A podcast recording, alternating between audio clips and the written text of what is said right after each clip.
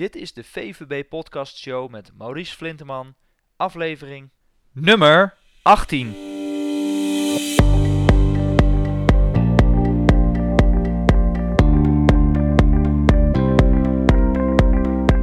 Welkom bij de VVB Podcast Show, waarin je luistert naar experts die je voorzien van de beste informatie, tips en tricks om het rendement op je vermogen te optimaliseren.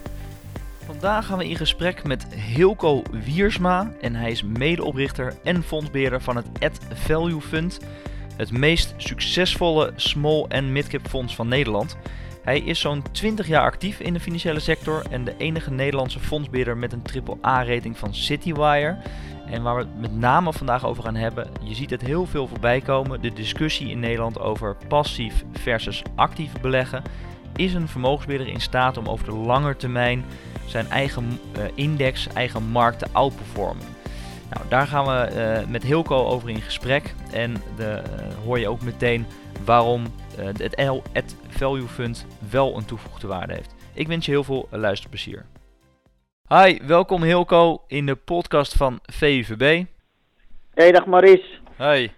Hilco, de afgelopen tijd uh, is natuurlijk de discussie actief versus passief beleggen, of welke vermogensbeheerder je moet kiezen, natuurlijk een, uh, een hot item. Jullie zijn een actief beheerd beleggingsfonds, het Ad Value Fund, met een aardige outperformance over de afgelopen jaren. Optimix Vermogensbeheer heeft sinds oktober 2013 een belang in het Ad Value Fund.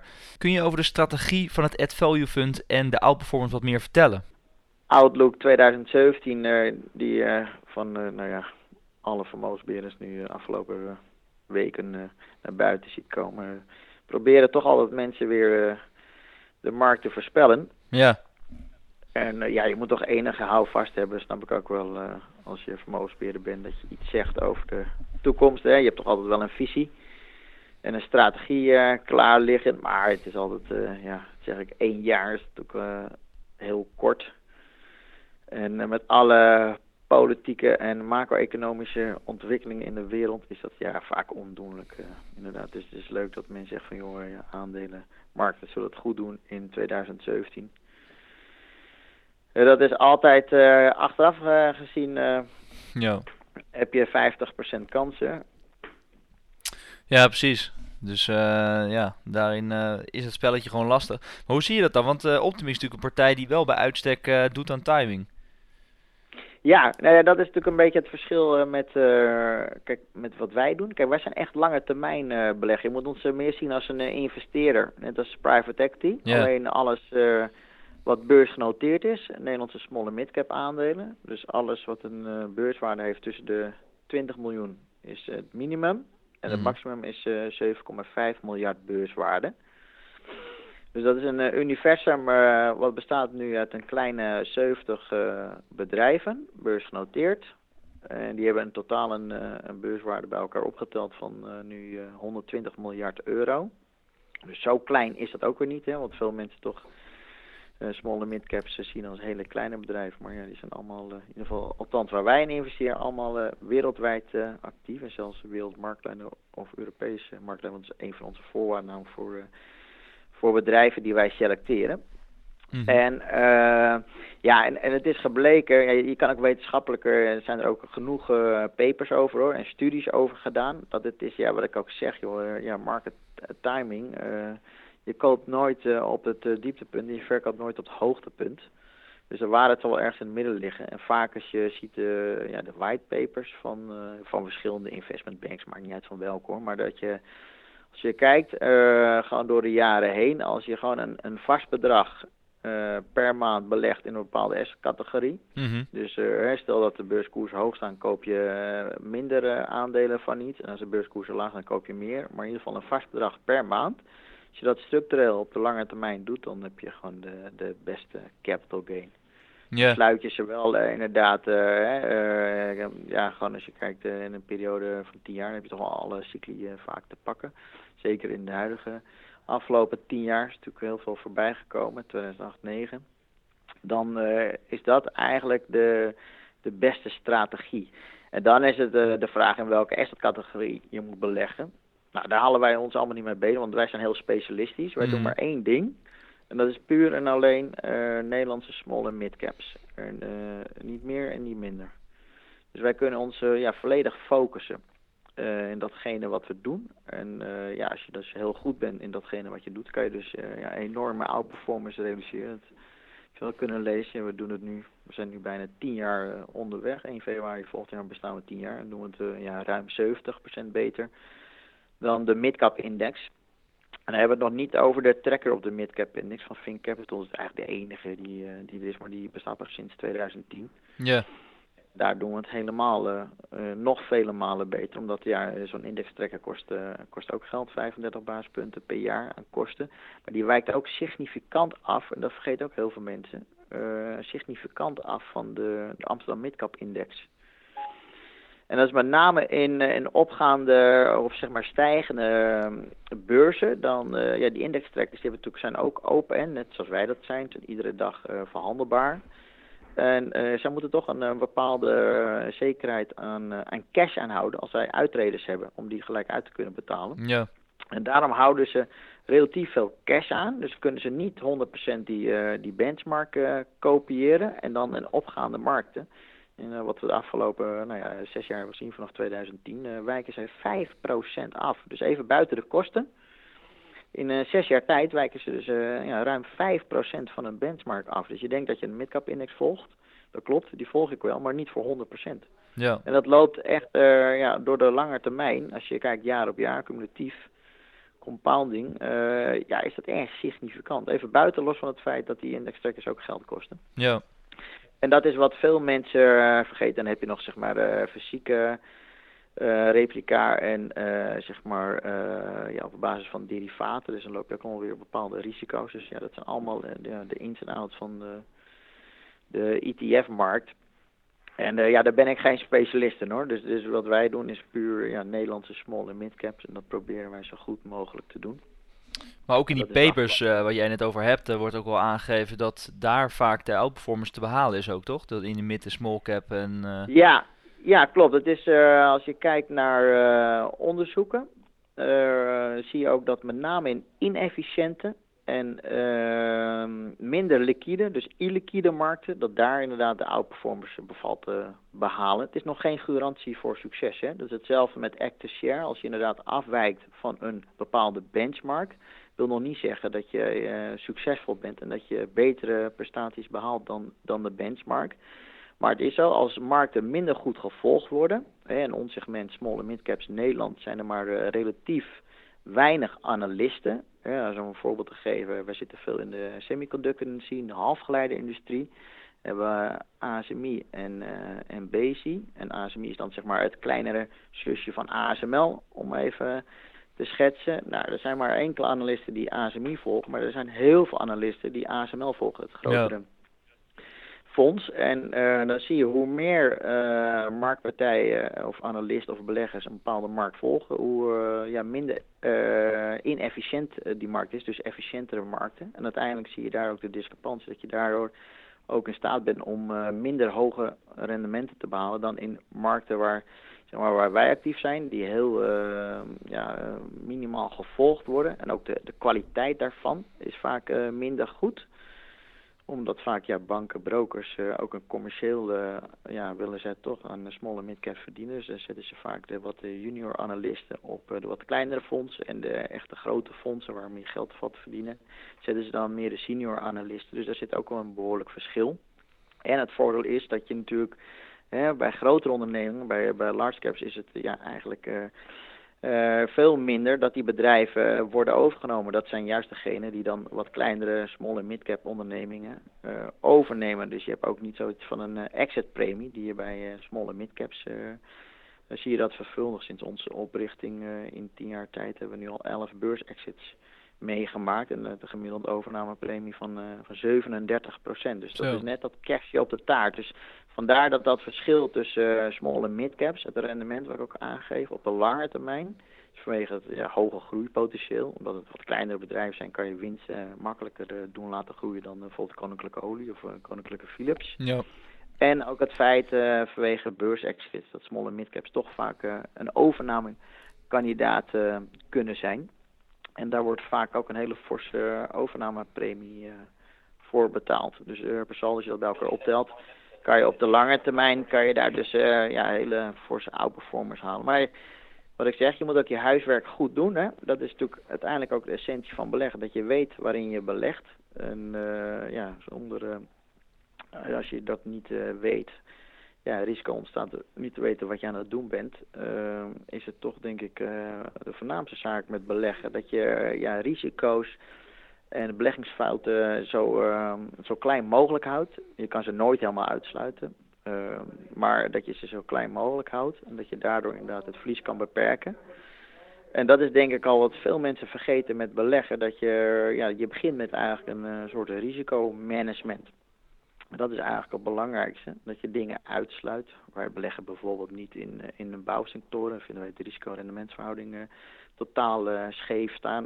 Maar bijvoorbeeld ook niet in, in banken en verzekeraars, waar wij de, zeg maar de rendementen die zij realiseren met ja, zo weinig eigen vermogen, vinden wij gewoon veel te laag. retailbedrijven ehm, die het nu heel moeilijk hebben van ja, fysieke winkels naar online, ehm, zijn er maar een paar succesvol. Dus dat zijn bedrijven die wij uh, gewoon uitsluiten.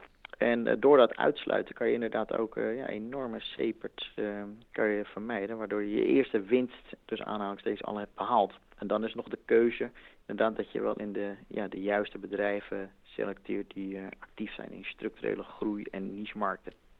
Die bijvoorbeeld ja, Europese of wereldmarktleiders zijn in een bepaalde niche. Ja, dus je maakt echt specifiek een hele, of hele specifieke keuzes wel. En dat kan dus in de mid- en small cap ook omdat de informatie dus nog niet altijd even goed verwerkt is. Hè? Want dat zeggen ze natuurlijk ook in die papers. Van ja, de, de informatie is tegenwoordig uh, digitaal. Uh, ja, alles uh, van elk bedrijf is eigenlijk min of meer al bekend. Hè? Omdat de informatie zo snel rondgaat. Maar is dat dan bij jullie anders? Ja, nou, dat klopt. Het is, uh, kijk, eh, in ons segment inderdaad, natuurlijk alles is publiekelijk uh, bekend. Je ook met name de bedrijven waar we in investeren zijn op het gebied van investor relations. Als je kijkt op een website, de beschikbaarheid qua informatievoorziening is de afgelopen tien jaar enorm verbeterd in een positieve zin. Dus er is al heel veel bekend en, en beschikbaar, maar het is een, een markt wat, ja, wat relatief klein is. Hè, 115, 120 miljard beurswaarde in totaal. Dat, dat lijkt veel, maar uh, kijk, wereldwijd uh, is dat natuurlijk heel klein. En Nederland zich, als je kijkt binnen Europa, als je vergelijkt met Duitsland, Frankrijk of Italië, dat zijn dus vele malen grotere markten met veel meer small en mid caps, veel meer keuze. En uh, daarom zie je vaak dat Nederland enorm achterblijft. Als je kijkt nu bijvoorbeeld naar de, de waarderingsverschillen, hè, wat voor ons uh, een van de criteria is, de waardering van een onderneming. Zie je dat ja, de markten die heel efficiënt zijn en heel groot zijn, bijvoorbeeld Amerika, de Russell 2000 index, dus de small cap index van, van Amerika. Zie je dat daar ja, de waarderingen vele malen hoger staan. Die staan nu bijna 26 keer de verwachte winst volgend jaar. Terwijl in Europa, als je kijkt naar Duitsland, Italië en Frankrijk, zijn redelijk volwassen markten, staat 15 keer eh, de winst, uh, koerswinstverhouding voor volgend jaar. Maar als je kijkt naar Nederland, dat is dus een, ja, een minder volwassen markt met, met minder beleggers. We zijn ook veel meer afhankelijk geworden van, van buitenlandse beleggers. Dat zie je ook in de aandeelhoudersstructuur van heel veel ondernemers zijn allemaal in handen van buitenlandse beleggers. En minder van Nederlandse beleggers, omdat die allemaal Europees of wereldwijd zijn gaan beleggen. Uh, zie je dat, uh, ja, de, als je kijkt naar de, de Amsterdam Midcap Index, wat onze referentieindex is, staat er voor volgend jaar 11 keer de winst. Dus dat is nog wel een enorm verschil, zo'n enorme discount, zo'n discrepantie. En dat duurt vaak inderdaad voordat je hier ziet, zo'n, uh, dat bedrijven worden ontdekt. ja, dat kost soms tijd. En ja, dat is met beleggers zo. ja, geduld is vaak, gepaard gaat het met, beleggen gaat vaak gepaard met, ja, gewoon geduld hebben.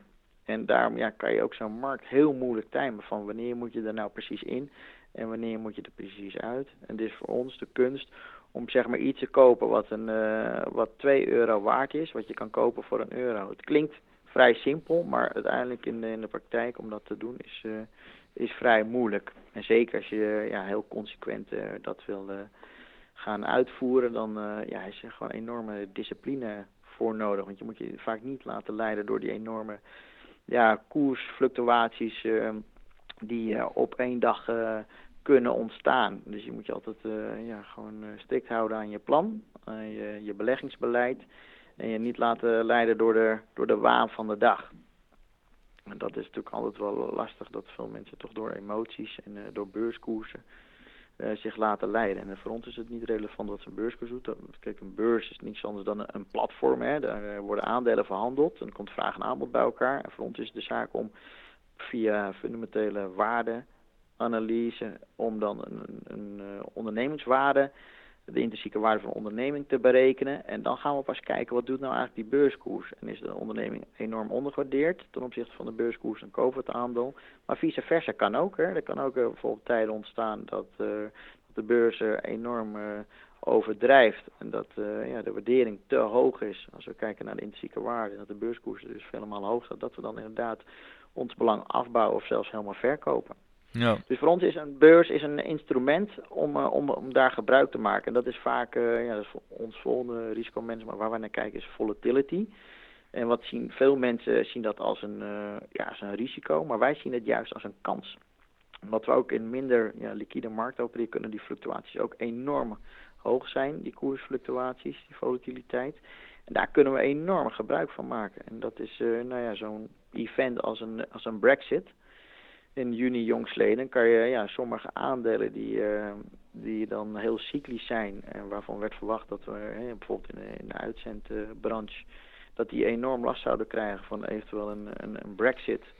Terwijl de onderneming uh, maar heel weinig exposure heeft in, in de UK. Uh, die daalt dan in twee handelsdagen met 30%. Nou, dat vinden wij on, ja, rechtvaardig. Dus we hebben een belang opgebouwd in die onderneming. En na een aantal maanden uh, zie je dat dat alweer is uitgekristalliseerd en dat er helemaal geen recessie is in Europa en dat zo'n beurskoers weer uh, boven het niveau staat van, uh, van de brexit. Dus je kan ook in vrij korte periodes kan je dit soort ja, koersfluctuaties kan er enorm van, van profiteren. Maar andersom ook. Dit was dan inderdaad een forse koersdaal. Maar het gebeurt ook wel eens inderdaad dat markten overdrijven aan de bovenkant en dat je daardoor inderdaad je positie kan, kan afbouwen als ik jou dus goed begrijp, Hilco, dan is met name uh, dus de illiquide tijd, of uh, dat de illiquide markten zijn. En dat uh, er vaak nog in die markt, hè, dus mid en small, dat er dus analisten zijn, maar dat dat vaak niet de allerbeste zijn, waardoor er nog zulke gaten te ontdekken zijn ja, in de waarde van bedrijven. Ja. Ja, je ziet, uh, ja, dat, dat zeg ik, hier, de, de halfgeleiderindustrie is natuurlijk in Nederland, wel met ASML is dan ja, de wereldmarktleider op het gebied van lithografie. En nu straks met de EUV uh, zijn zij de enige in de wereld die dat kunnen. Maar als je kijkt, uh, dat segment er net onder, waar ik het over had, ASMI en BC, dat zijn dus ook allebei wereldmarktleiders in hun niche. Maar dat wordt gewoon ja, door maar een aantal analisten gevolgd. En dan zie je de discrepantie als je kijkt naar hun concurrenten die uh, veelal beursgenoteerd staan in, uh, in Amerika op de, op de Nasdaq. Bijvoorbeeld Applied Materials of Tokyo Electron of Lam Research. Dat zijn de drie bekende. En dan zie je dat daar uh, ja, veel meer analisten op zitten. Ook ja, veel meer internationale beleggers daar actief zijn, omdat die markt vele malen groter is. En dan zie je dat uh, ja, die waarderingsverschillen uh, enorm zijn. Die zijn eigenlijk de afgelopen tien jaar, uh, sinds dat wij bestaan, zijn die verschillen, waarderingsverschillen, als je kijkt ten opzichte van Amerika, maar ook ten opzichte van Europa, zijn nog nooit zo groot geweest. En dat noemen ze ook wel eens de Dutch discount.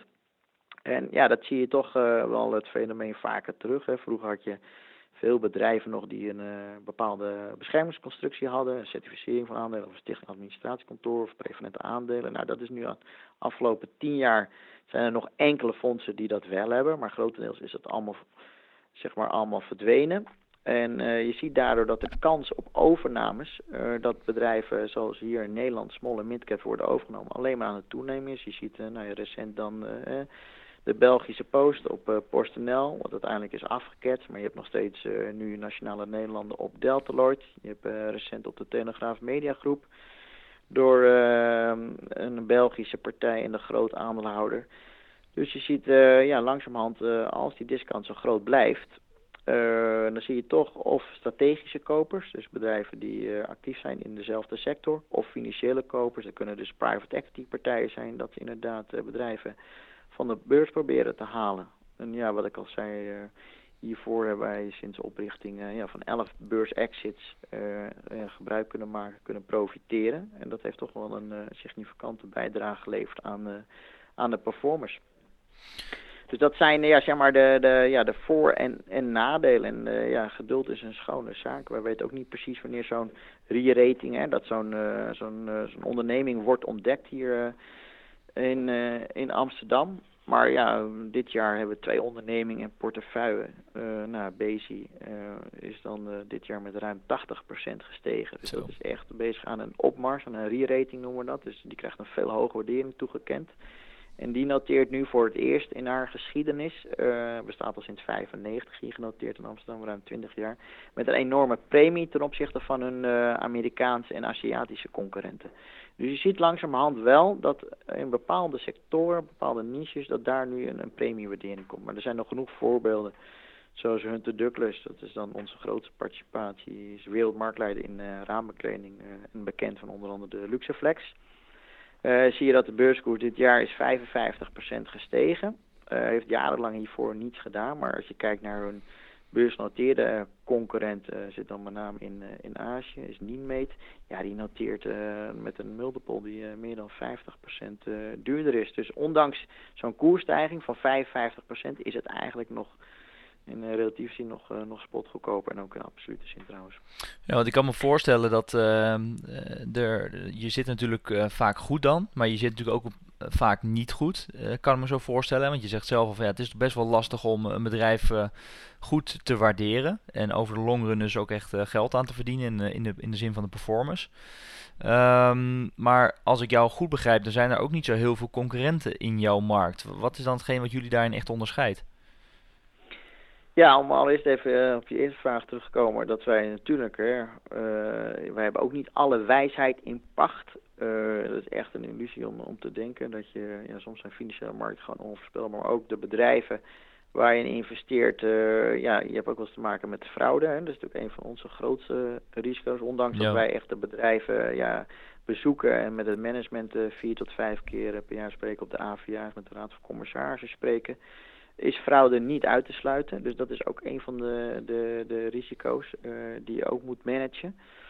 Uh, maar als je kijkt naar concurrenten, uh, ja, dan zitten we wel in hetzelfde speelveld. Hè. We mogen in dezelfde aandelen beleggen. maar toch, ja, door onze aanpak, door onze filosofie en strategie, doen wij toch net andere dingen. ja, waardoor je het verschil kunt maken. En dat is vaak toch te maken met de juiste keuzes en weging aanbrengen. Dus je moet strategisch goed kijken in welke sectoren, welke bedrijven wil je in investeren. Dus je moet een aantal criteria, je moet goed kijken naar de business. Waar zijn ze in actief? Zijn het wel structurele groei of niche markten waar ze actief zijn? Je moet kijken naar de waardering, hè? dus de, de valuation is heel erg belangrijk. Dat, dat bepaalt uiteindelijk je toekomstige rendement. En je moet goed kijken naar de financials. Hoe zit de balans uh, in elkaar? Uh, wat zijn ook uh, in het speelveld van concurrenten binnen zo'n bedrijfstak? Moet je goed kijken hoe de waarderingen en alles eruit ziet. En als dat allemaal klopt, ja, dan gaan wij over vaak als we het management hebben gesproken om ergens te investeren. Dat doen wij voor de lange termijn. Maar mochten wij het inderdaad niet goed zien of geconfronteerd worden met fraude of andere zaken, dan uh, schromen wij ook niet om gelijk onze positie uh, volledig te verkopen. En dat is een discipline ja, die je moet beheersen en die je, moet heel consequent moet uitvoeren. En daar kan je dus echt het verschil maken. Dus wel strategisch weten waar je in moet investeren en ook tactisch precies wil weten van... Goh, wanneer zou ik daar uh, mijn belang moeten vergroten? Dus je weging in je portefeuille moeten verhogen. Wanneer zou ik mijn weging in mijn portefeuille juist weer moeten verlagen? Dus in dat tactische speelveld, dat is denk ik vaak waar je het verschil kan maken. Want we hebben wel wat overlap in verschillende bedrijven. Maar wat ik zei, wij ja, beleggen dus absoluut niet in, in pure bouwbedrijven.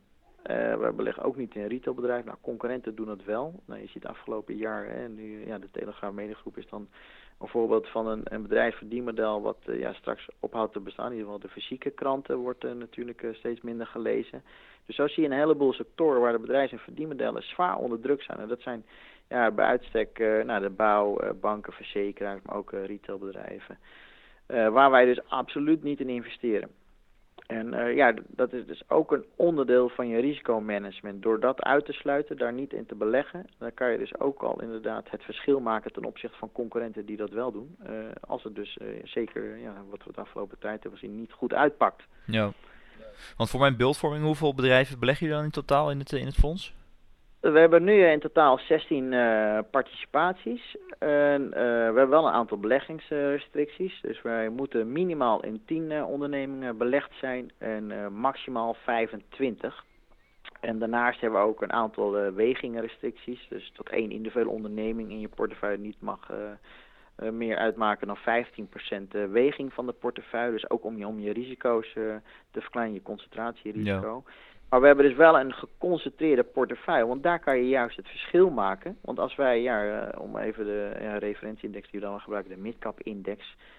Uh, wij, wij, wij, wijken daar voor uh, ruim 85% van af. En dat is geen doel op zich, maar dat is gewoon vanwege ons beleggingsbeleid dat we daar ja, zo'n hoge active share halen. En dan zie je vaak ja, hoe, hoe sterker je afwijkt van een, van een benchmark, dat je daardoor ook in staat bent om op de lange termijn hogere rendementen te behalen. Het is geen garantie voor succes, maar het is wel een vereiste om een hoger rendement te halen dan je benchmark. Want als je ja, bij trackers, als je een index volgt of een mandje aandelen en uh, ja, er is geen tracking error, dan weet je in ieder geval zeker uh, na kosten dat je het slechter doet dan uh, de benchmark of dat mandje aandelen wat je probeert te volgen. Ja, maar je weet in ieder geval zeker dat je het niet vele malen slechter doet, wat je bij veel actieve fondsen wel ziet de afgelopen jaar. Dat ze gewoon structureel niet hun benchmark weten te verslaan. En op een gegeven moment, ja, zonder significante outperformance heb je gewoon geen bestaansrecht. Nee. Want dat, en komt dat met, is natuurlijk ja, wel essentieel voor actief fonds zoals wij dat zijn. Dat je wel op de lange termijn, we hebben ook wel eens periodes dat we het wat minder doen. Uh, maar uh, door de jaren heen zie je dat je in staat bent om zo'n significante outperformance te realiseren. Dus dat je wel waarde toevoegt. Ja, want dat worden natuurlijk de indexhukkers genoemd. Hè? Dus zeg maar beleggingsfonds met een fondsbeheerder die eigenlijk heel dicht bij de verdeling van de index gaat zitten. Waardoor je ja, de index nagenoeg volgt, maar ook niet heel erg outperformt. Waardoor je eigenlijk door de kosten in het fonds altijd minder presteert. Er wordt ook in de papers aangegeven dat ook de partijen die inderdaad significant afwijken van een bepaalde index, een outperformance kunnen behalen over de lange termijn. Ja, nou ja, absoluut. Dus, dus dat is hier ook vaak, uh, ja, in Engeland uh, heb je daar de toezichthouder die daar heel streng op let. Hè? Dat inderdaad gewoon uh, zogenaamde actief beheerde fondsen een bepaalde beheervergoeding vragen die totaal niet rechtvaardigt dat ze actief worden beheerd. En dan kan je heel makkelijk door te kijken welke benchmark ze dan als nemen en, en kijken naar hun active share. Hoeveel wijken ze daar vanaf? Nou, blijkt dus inderdaad dat heel veel fondsen heel dicht bij een benchmark blijven. Dus ja, een tracking error hebben van, van een aantal procenten. Dus dan kan je ook nooit meer dan een aantal procenten afwijken van je benchmark. En ja, dat zie je gewoon dat dat nu ja, door veel beleggers nou ja, nu ontdekt wordt. Dat ze denken van ja, ik heb een zogenaamd actief fonds die vele malen duurder is dan een, dan een indextrekker. Die totaal niet afwijkt. En uiteindelijk ja, ben ik veel meer aan kosten kwijt en, en slechte rendementen. Dus die stappen allemaal over van actief beheerde fondsen naar passief. Dat zie je ook, hè, de instroom. Het is natuurlijk ook heel gemakkelijk. Je kan ook heel snel kan je trekkers aan- en verkopen. Je hebt allerlei producten, ook met een hefboom of niet. Je kan ze ook heel makkelijk short gaan in plaats van alleen long. Dus er zijn heel veel voordelen te bedenken voor, voor heel veel beleggers waarom je juist in trekkers zou moeten beleggen. En ja, dat komt ook door het feit dat er maar heel weinig uh, uh, zeg maar fondsbeheerders zijn die een actief uh, fonds beheren, die de markten kunnen verslaan. En ja, dat worden er steeds minder. Ja, dat denk ik is toch ook te maken met ja, de kwaliteit van de fondsbeheerders. Uiteindelijk hè, maken zij de keuzes, zoals wij dat ook doen. Ja. En ja, die blijken dan achteraf minder goed uit te pakken. En ja, dat is gewoon wel teleurstellend dat er maar zo weinig fondsbeheerders in staat zijn om een benchmark te verslaan. En dat wekt daardoor alleen maar het passief beleggen in de hand. En je ziet de groei daardoor enorm, zeker in Europa, versnellen allemaal richting passief beleggen. Ja, want daar zouden we het gesprek eigenlijk mee starten. dat ja. dat uh, de fondsbeheerder van uh, beleggingsfondsen uh, eigenlijk de laatste tijd in het nieuws naar voren komt als een grote verliezer. Hè? Dat er een hele grote verschuiving is op de beleggingsmarkten van, van actief naar passief. Alhoewel, het, tenminste waar ze met name op doelen is dat de instroom van nieuw vermogen, wat nu natuurlijk ook veel mensen gaan beleggen, omdat ze natuurlijk op een spaarrekening geen rendement behalen, zie je dat bij nieuw kapitaal toch richting passief beleggen gaat. En jullie zijn daar natuurlijk bij uitstek een, een actief beheerd beleggingsfonds, het Value Fund. Ja. Ehm, en daarin had ik ook aan jou gevraagd, en, en dat wordt natuurlijk, dat heb je net eigenlijk al eventjes aangegeven, van ja, kun je dan in eerste instantie even het verschil aangeven wat, wat jou betreft het verschil is tussen actief en, en passief beleggen? Wat, wat, ja. Kun je dat toelichten? Ja, nee, absoluut. Het is, uh, ja, passief beleggen is enorm een opkomst. Kijk, passief beleggen moet je zien dat je een, een index of een bepaald uh, mandje van uh, effect, of het nou obligaties is of aandelen, dat je die wil volgen. en dat kan je door middel van een, een tracker op een index te kopen of een, of een ETF. En daarmee ja, dupliceer je eigenlijk een bepaald mandje effecten of een index. En met actief beheer ga je ervan uit dat het fonds wat je aankoopt, een beleggingsfonds, dat die actief wordt beheerd in de zin dat je inderdaad een behoorlijk verschil mag verwachten in, in afwijking ten opzichte van een, een benchmark of een bepaalde markt waarin het fonds belegt en daardoor door de keuzes van de fondsbeheerder dat, die het verschil maakt ten opzichte van een ja, marktgewogen index of mandje aandelen, obligaties uh, dat hij daardoor uh, op lange termijn in staat moet zijn om uh, een benchmark of markt te verslaan.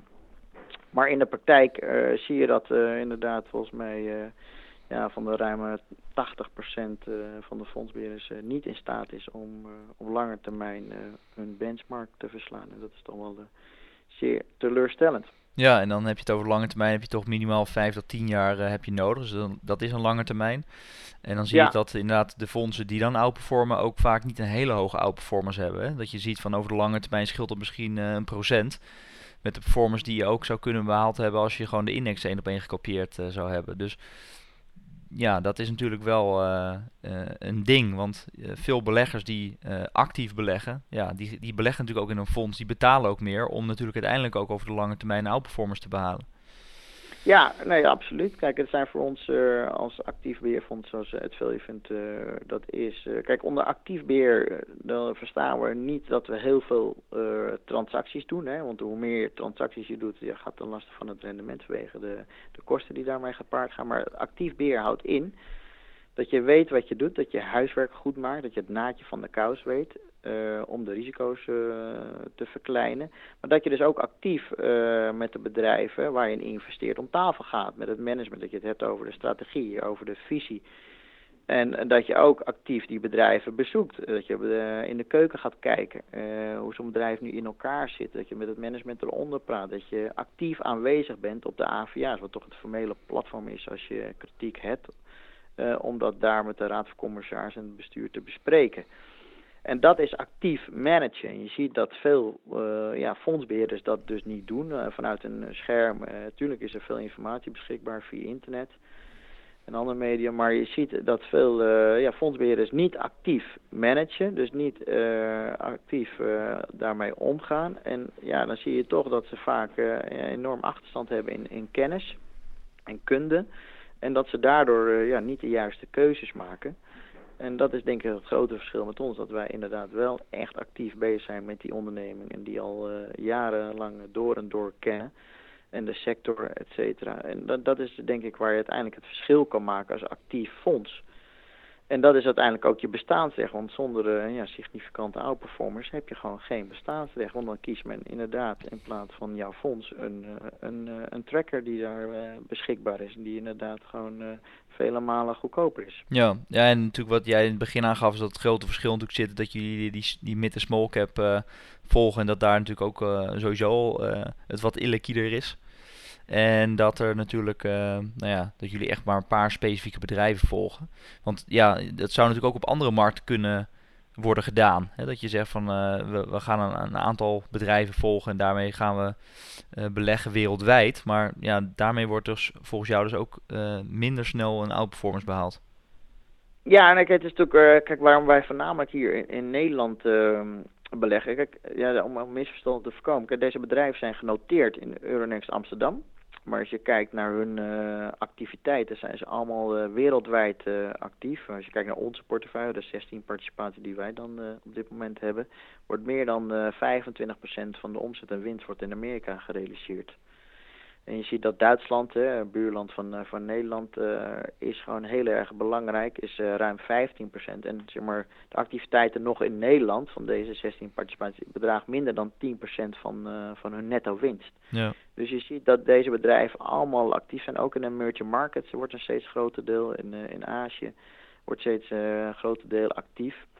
En dus dat, dat is al een, een misverstand. En, en daarnaast zie je dat uh, buiten het feit dat je met het management, wat hier uh, natuurlijk het hoofdkantoor heeft, uh, veelvuldig kan ontmoeten, de AVA's die hier worden gehouden, de cultuur die hier is in Nederland, maar ook de infrastructuur hier met ja, financiële analisten, met zeg maar corporate finance boutiques waar je geregeld mee spreekt. Je hebt hier een hele infrastructuur opgebouwd, ja, je kennis en kunde.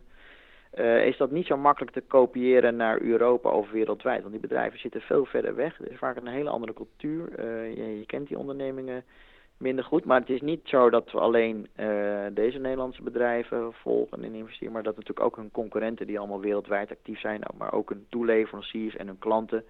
Die zijn vaak ook allemaal wereldwijd actief. Die volgen we ook allemaal. Dus we hebben wel enige kennis van wat er buiten Nederland natuurlijk zich zich afspeelt. Ja. Maar het is gewoon juist onze kracht dat we ja, gewoon snel op de fiets kunnen stappen, bij wijze van spreken. Als wij uh, uh, heel snel met het management willen spreken, dat we gewoon uh, inderdaad snel om tafel kunnen zitten. Ja, wat natuurlijk dus wel heel erg belangrijk is wat jou betreft. Jullie hebben natuurlijk al een, ja, een, een, aardige periode een outperformance laten zien. Want hoe lang bestaat het Ed Value Funds nu? we bestaan sinds 1 februari 2007. Dus nu ja, bijna 10 jaar.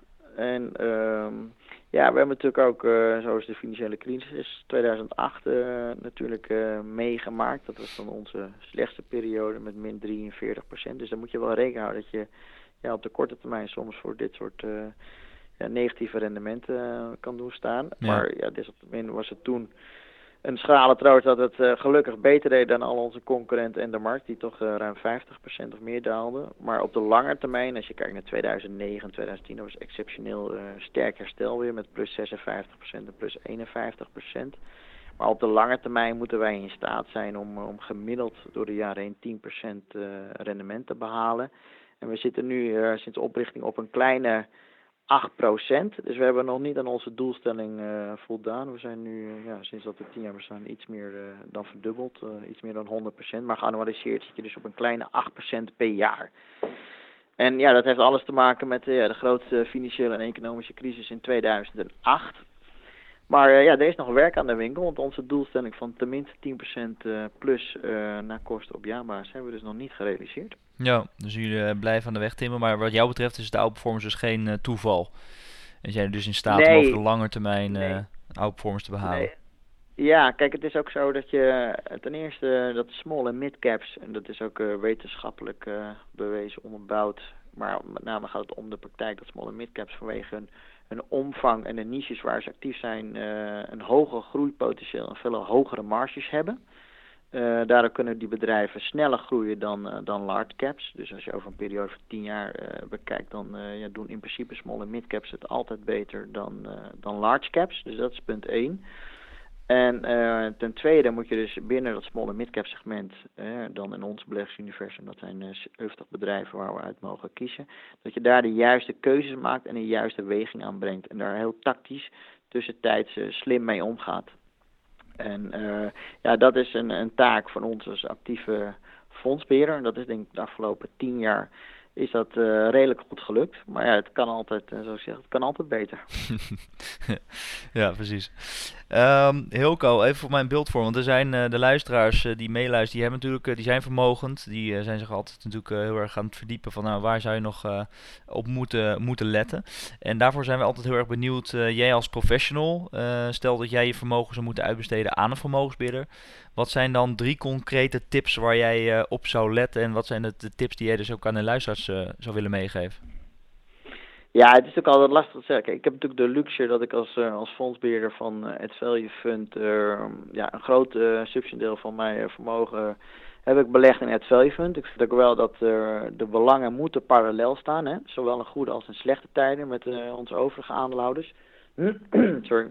En uh, dus ik, ik heb uh, dat betreft uh, heel weinig visie. Als je kijkt naar, naar je vermogen uitbesteden, zou ik dat altijd doen bij een vermogensbeheerder, in ieder geval qua reputatie, imago, maar ook inderdaad zijn, zijn beleggingsbeleid, dat die goed en gedegen is en op de lange termijn is, is gericht.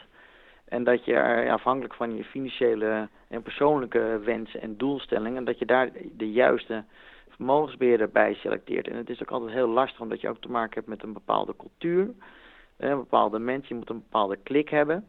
En uh, ja, dat is het enige wat ik de, de mensen kan meegeven. Uh, dat ze daar absoluut een heel goed gevoel uh, bij moeten hebben. En als ze dat niet hebben, dan moeten ze dat ook niet, denk ik, uiteindelijk laten, laten opdringen. Ja. Dus je, het is een hele ja, selectieve en, en, en een ja, wel overwogen keuze, omdat je dat vaak zo'n relatie voor de lange termijn aangaat. Dus dan moet je wel bewust zijn dat je ook bij zo'n partij inderdaad voor de komende jaren in principe daar uh, vertrouwen in, uh, in hebt. Dus, maar het is voor iedereen weer heel, heel persoonlijk. En ja, ik heb de, ja, de luxe dat ik mijn eigen vermogen kan beheren. Ja. En, uh, en dat ik uh, daardoor ja, ook naar mijn andere aandeelhouders in het value fund inderdaad uh, ja, zowel een goede als een slechte tijden. En ja, we vinden het gewoon belangrijk om, om skin in de game te hebben. Ja, maar goed, je noemt een aantal zaken, hè, goed en gedegen. En je moet een klik hebben met iemand, maar jij zal ook met mij eens zijn dat op het moment dat jij met een bedrijf om de tafel gaat, dan is het natuurlijk heel erg lastig om te bepalen, is het goed gedegen en is, hè, ook al heb je met iemand een klik, wil dat niet altijd zeggen dat dat ook een, goed is voor je portemonnee, zeg maar, in die, in die zin. Als je begrijpt wat ik bedoel. Nee, nee dat snap ik. Ik, ik begrijp ook wel waarom ja, mensen dan toch wel een soort second opinion vragen. En dan, zeg maar, ja, je hebt genoeg alternatieven via internet, sites waar je vermogensbeheerders kan vergelijken. je kan ook consultants die er ook actief zijn, die je soms ja, met de raad en daad kunnen bijstaan en kunnen vragen en goed ja, de risicorendementen die je uiteindelijk nastreeft om die goed in te kunnen schatten. En, um, ja, er zijn vandaag de dag gelukkig veel nieuwe tools online ook, waar je zelf redelijk snel inderdaad met een aantal vragen uh, toch terecht kan komen bij een bepaalde ja, uh, visie, strategie. Waarvan je achteraf had gezegd, nou had ik niet verwacht dat ik bij zo'n partij uh, zou kunnen horen. Dus ja. ja. je moet toch een aantal partijen in eerste instantie naast elkaar leggen. Voordat je dan uiteindelijk besluit met wie je dan in zee gaat. Ja, dat is eigenlijk hetzelfde wat jullie doen. Je moet van tevoren goed juist ook maken. Juist, absoluut. Dat is er in, in alles wat je uiteindelijk uh, doet wel, uh, wel belangrijk. Ja, zeker. Ja. En heel al uh, afsluitend, want wij zijn altijd belangrijk, wat wij altijd belangrijk vinden en wat we het leuk vinden om, om te horen is, jij zit al een tijd in die markt, je bent al een tijd bezig en hebt een goede performance neergezet. Wat is nou bij uitstek jouw belangrijkste levensles geweest die je hebt geleerd, die je hebt gekregen tijdens jouw werkzame leven, die jouw leven destijds volledig op zijn kop heeft gezet? Ja, dan moet ik alweer heel ver terug. Maar in ieder geval uh, dat je de, de wijsheid niet uh, in pacht hebt. Dat ja, financiële markten kunnen gewoon, uh, of zijn soms onvoorspelbaar. En dat is toch iets, zeker als je, als je jong bent. Toen ik begon als handelaar op de optiebeurs, was ik 19. dacht je dat je de, de wijsheid in pacht had. En dat is toch die onervarenheid die je ja, gewoon op dat moment had. En uh, dat je toch uh, met name ja, je kennis en ervaring en je kunde die je de afgelopen twintig jaar hebt opgebouwd, uh, dat dat echt een illusie is. Dus dat is één. En ja, ten tweede is het toch altijd zo dat je, ja, als je belegt, uh, belegt dan voor de lange termijn. Het is echt uh, ook een illusie dat je denkt om de markt op korte termijn te kunnen verslaan. Dat kan soms een keer goed gaan, maar echt de markt timen is gewoon echt heel moeilijk om op het dieptepunt te kopen en op het hoogtepunt te verkopen. Dus hou echt wel een beleggingshorizon van tenminste 5 tot 10 jaar in acht. En daarnaast, ja, beleggen met geleend uh, geld, dat is toch altijd wat, uh, wat je ziet waar veel mensen inderdaad uh, in tijden dat je het geld nodig hebt, dat de beurzen heel hard onderuit gaan, zoals 2008, 2009, dat ja, beleggen met geleend geld, dat dat toch uiteindelijk heel veel kwaad doet. Dus wees daarvan van bewust. Beleg altijd met geld wat je ja, ten alle tijden kan, kan missen. Ja, nou ja, hartelijk bedankt, uh, hartstikke bedankt voor, jou, voor jouw tips en voor jouw bijdrage. Ja, ik denk enorm zinvol, omdat ja, de discussie zeker ook natuurlijk actief versus passief de afgelopen tijd een hele grote rol speelt. En ook nog een grote rol zal blijven spelen in de toekomst. En, ja, absoluut. ja, dat, dat heb jij weten te verduidelijken en ook heel, heel goed aangegeven waarom het Ad Value Fund wat jou betreft in ieder geval die outperformance wel kan leveren. Dus, dus nogmaals dank daarvoor. Hilco? Ja, graag gedaan, uh, Maurice. En uh, nou ja, wellicht uh, tot een andere gelegenheid. Zeker, tot, tot later. Oké, okay, dankjewel Maurice. Groetjes, hè. Hoi. Jo, dankjewel. Bye. Bedankt weer voor het luisteren naar dit informatieve gesprek met Hilco Wiersma van het Ad Value Fund. Mocht je meer willen weten, dan kun je naar mijn website gaan, advaluefund.nl.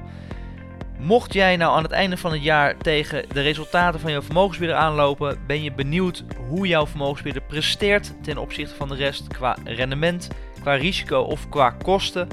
Laat dan wat meer informatie achter over jouw situatie op onze website vuvb.nl beleggen vuvb.nl beleggen Laat je contactgegevens achter. Wij nemen telefonisch contact met je op en zullen het een en ander tegen het licht houden om te bespreken wat wij voor jou kunnen betekenen. Bedankt weer voor het luisteren naar deze podcast en uiteraard tot de volgende keer.